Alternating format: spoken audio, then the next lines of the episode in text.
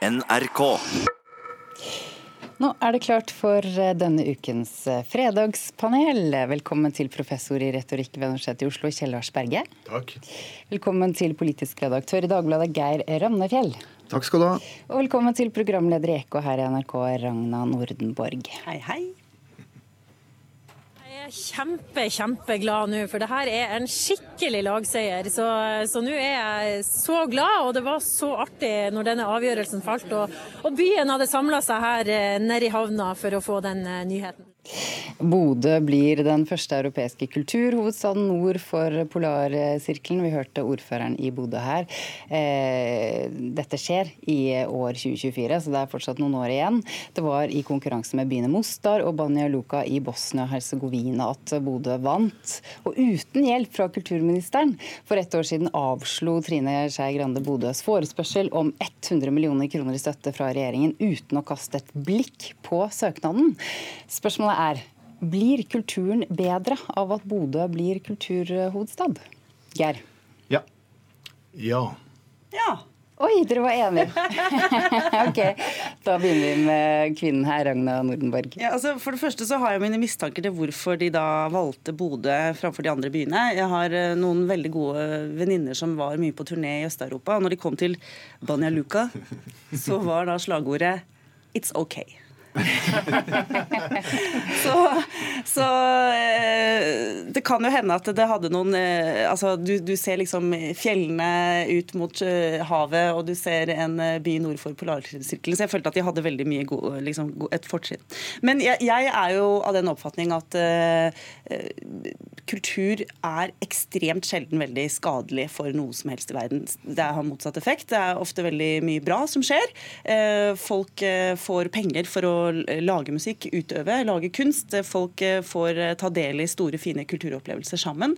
Eh, Så jeg syns at dette er en kjempegod nyhet. Og jeg tror at blandingen av mer kulturproduksjon og å få lov å oppleve mer kultur og bli bevisst på hva slags spesielle uttrykk og unike uttrykk de har i Bodø-området. Det er topp stemning.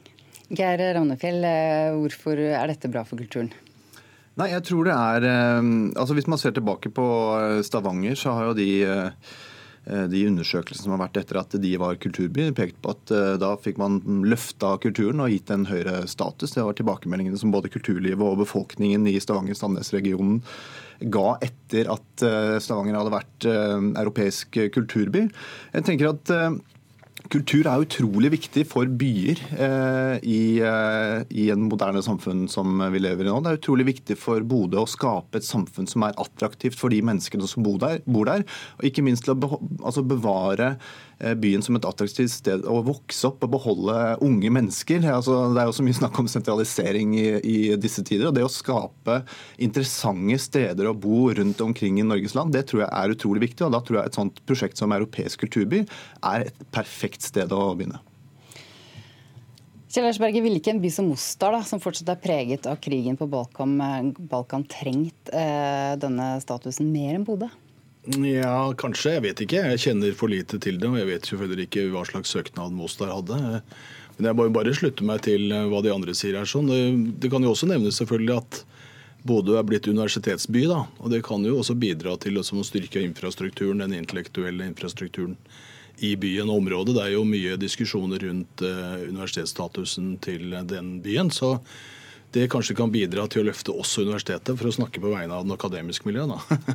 Men siden dere er så enige om dette, så går vi videre. For i dag lanseres eh, fotballspillet Fifa 20, et av verdens mest populære TV-spill. Boom, baby! Vi snakker Fifa 20, og jeg er drithypa. Og den her går sakte. Å, det er walkout! Yes! Kom an, Brasil!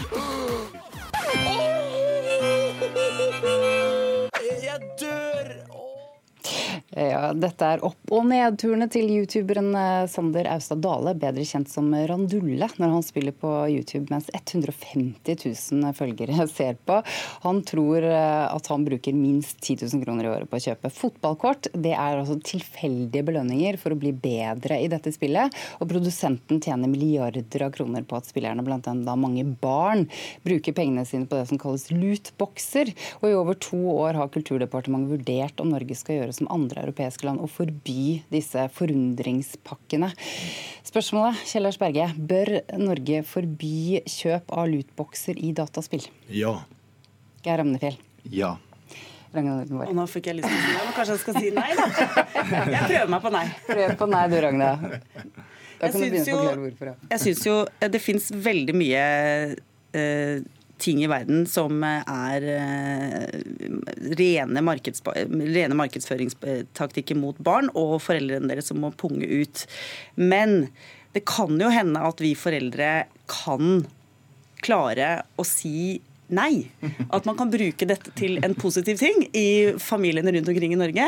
At, eh, at jeg f.eks. kan si eh, jeg beklager, jeg kan ikke gi deg, gutten min, eh, høyere sosial status på min NRK-lønn.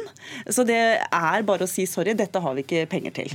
Så det går jo an å vise fram at det er masse ting her i livet vi ikke kan få. Og det gjør vondt å ikke sende barna sine på akkurat de samme oppleggene som andre barn, men kanskje man bare tenker at dette kommer de styrket ut av. Det var vel et godt argument, Kjell Årsberget? Egentlig, ja, selvfølgelig. Altså, Foreldrene har jo det ytterste ansvaret. Men som pappa til tre gutter, riktignok voksne nå, så må jeg si jeg har medfølelse for de som har lyst til å bestemme litt over dette her. Altså, fordi at uh, disse ungene det, det er jo de som skal kjøpe dette her. Det er jo, dette er jo laget for barn eller eh, ganske små mennesker som jo har lite kontroll over hva de er med på. og sånn, og det er klart Vi trenger å kontrollere akkurat som vi trenger å kontrollere tippevirksomhet og lotteri og den slags pengespill. Det er lett å bli avhengig og sånn, og det er klart at vi må tenke på det. Vi må tenke den, den store sammenhengen. altså. var- trenger hjelp fra kultur... ja, ikke sant? Altså, jeg, jeg, jeg var i Dublin og så på fotballdrakter i dagene som gikk. og En fotballdrakt som sikkert koster fem øre å lage i Kina, den koster altså 1000 kroner. Og den er jo ikke laget for meg, den er laget for barn. Fordi pappaene skal kjøpe det til dem når de har vært på tur. ikke sant? Og Det er en utrolig spekulasjon i det markedet som er knytta til, til rike barn på, i, vestlig, vest, i, i vestlig verden som har råd til å kjøpe den type produkter som disse Fifa som lever av. ikke sant? Jeg er- jeg syns, jeg syns et ord som sleipt er litt greit å bruke her, altså. Og det, Jeg, jeg fikk f.eks. aldri dra til Legoland. da. Nei, ikke sant? Vet om det var av økonomiske årsaker eller mer sånn kulturelle årsaker, men, men jeg har jo overlevd. mine, mine barn har aldri vært i Legoland. Geir Ravnefjell, ja, bør vi forby Legoland? Nei, men hvorfor bruker eh, Kulturdepartementet så lang tid på å bestemme om dette skal være lov eller ikke? Nei, Det kan du godt eh, spørre. Det er vel kanskje noen juridiske spissfindigheter som de må finne ut av. Jeg syns det var veldig sporty av Ragna å kaste seg inn på nei-siden. Du kan bli skjebnesvanger til om dette følger deg resten av livet. Så blir du plutselig veldig for gambling resten av livet. Nei, men altså, Jeg har jo to små barn som eh, hvor, ja, som er akkurat i målgruppen, som er eh, åtte og, og ni år. Og som sitter og holder på med dette FIFA- Fifa-greiene. jeg føler jo ikke at jeg har oversikt over hva de gjør med disse disse lootboxene. Jeg bruker de mine penger. De spiller jo ofte på min telefon. Jeg aner ikke. Jeg prøvde å sjekke kontofonen i går. Er, er det, er, det er lurt. Hvordan står det til? Vi har noen i redaksjonen her som, har blitt, eh, som plutselig har fått regninger Men, på altså, flere, men dette er altså. Barn som er på den alderen, de har ikke mulighet til å forstå rekkevidden av eh, pengebruk på den måten. Og det å, å legge det ansvaret over på dem, det syns jeg er egentlig fullstendig umoralsk og uakseptabelt. Ok, Da går vi videre til det vi må kunne si var ukens store begivenhet. People are suffering. People are dying. Entire ecosystems are collapsing. We are in the beginning of a mass extinction, and all you can talk about is money and fairy tales of eternal economic growth. How dare you! Og den 16 år gamle klimaaktivisten Greta Thunberg holdt altså tale for FNs hovedforsamling på mandag. Og det har jo da uten tvil vært ukens store snakkis både rundt middagsbordene, på jobben og ikke minst i kommentarfeltene. Spørsmålet er er dette en ny I have a dream-tale? Da må vi spørre retorikeren først. Nei, slett ikke. Det er det overhodet ikke. Det har jo ingenting med det å gjøre i det hele tatt. Altså. Det var nei. Ja, det var, ja, ja la, la, la, la, la meg få snakke etterpå, for dette har jeg lyst til å snakke om. Ja, men da må jeg si ja, da. Ragnar, hva sier du? Jeg sier eh, kommer litt an på. Er det, er, det, er det eventet eller er det innholdet? Hvis det er eh, innholdet, så er det nei. Ok, men Da kan du utdype, Kjell Ja, nei, altså, si Den politiske sammenhengen er veldig forskjellig. Altså, han ledet en bevegelse som var eh, slåss mot rasisme i USA. og med stor, sterk motstand og også brukt av vold, ikke sant, og ledet an en politisk bevegelse. og Han var også da forankret i en helt annen retorisk tradisjon, som jo er eh, den lavkirkelige altså baptisttradisjonen. og Det er jo en helt annen form og et helt annet språk. altså. Dette minner om agitasjon, slik vi har den fra mellomkrigstida. Så hvis vi hadde vent oss til Martin Tranel, f.eks., som brukte den typen retorikk for å mobilisere massene til å engasjere seg, så hadde vi vært nærmere enn noen sammenligning, tror jeg. Ja. Jeg, jeg, jeg på, på, en måte litt enig. Altså, det er jo selvfølgelig store forskjeller. Men, men, hvis vi skal se bort fra at den skal være helt lik altså Martin Luther King sin tale er jo da 17 minutter lang og står i en annen tradisjon. Men det er også kulminasjonen av en folkebevegelse, dette her også, på samme måte som Martin Luther King, og som har blitt møtt med stor, stor, politisk, stor politisk motstand, må man kunne si. Det har vi også sett de siste de siste dagene.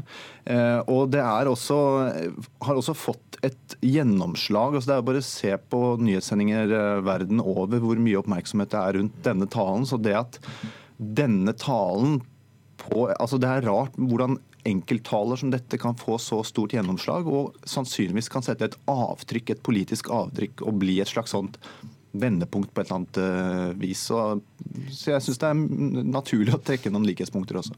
Så Greta Thunberg er i ferd med å endre verden? Ja, det er hun. Eh, men om hun endrer hold... Altså, hun kommer nå Jeg tror hun allerede har begynt å endre holdningene våre og, og blikket vårt på eh, at, at, vi er alle nå i ferd med helt sånn i våre egne liv ta hensyn til hvordan, vi, hvordan transporten er, hvordan vi kildesorterer. Altså Ikke at det nødvendigvis har noe med de store spørsmålene, men ja, hun gjør det. Men, hun, men, hun, men om det flytter politikken nå, det, det, vet jeg ikke. Men hun har jo en sånn, også en sånn effekt på oss som kanskje går på uh, hvem hun, hvordan hun ser ut og hvem hun er, og hva bakhistorien hennes er. Altså dette, når man igjen, dette kan jo du, altså Kjellars, altså logos, patos, etos. altså Dette etoset, altså denne enorme troverdigheten hun har, og den som vi tillegger henne også det at hun har denne spurveaktige, skjøre framtoningen. Hun blir symbolet på verdens sårbarhet. Mm. og Derfor tror jeg hun er også så vanskelig å angripe. og Derfor blir vi så forbanna når noen sier at hun burde holde seg hjemme og gå på skolen eller ikke være, være i FN-huset. Ja, jeg jeg, jeg syns jo at um, det har vært så mye diskusjon de siste dagene om at hun polariserer, at man lurer på om hun har det egentlig noe effekt og sånn. Men jeg tror at de som blir sure på henne, det er vel kanskje de som ikke er så engasjert i klimaspørsmål, og kanskje de som er klimafornektere. Det finnes jo faktisk mange av de. Men det som jeg tror er minst like viktig, er at den store delen av befolkningen som faktisk forstår at dette er en eh, utfordring, de blir røska opp og de blir vekka av det, eh, det som vi har sett de siste dagene. Det har en mobiliserende effekt for et politisk spørsmål som er presserende og alvorlig, og som hun med sin klare tale, eh, faktabasert på alle, alle måter, klarer å løfte opp og eh, på mange måter representerer et slags sånt eh, unikt og ikonisk gjennombrudd for klimasaken. Men eh, Ragna, veldig kort til slutt. Eh, må vi passe litt på henne også? Barnestjerner, hvis man kan kalle henne det. En politisk barnestjerne. Eh, det er eh, alltid veldig mye triste greier som dukker opp i kjølvannet av å ha hatt et liv i offentligheten. Vi ser det med musikere, vi ser det med, med unge malere, kunstnere. Så at hun ikke kom, Jeg tror hun kommer ut av dette med eh, noe ekstra i bagasjen, som det hadde egentlig vært deilig hvis hun slapp. ja. Mm. Takk for at dere kom alle tre. Dette gikk fortere enn jeg trodde. Ragna Nordenborg eh, fra NRK, Geir Ramnefjell fra Dagbladet og Kjell Arsberger, retoriker fra Universitetet i Oslo.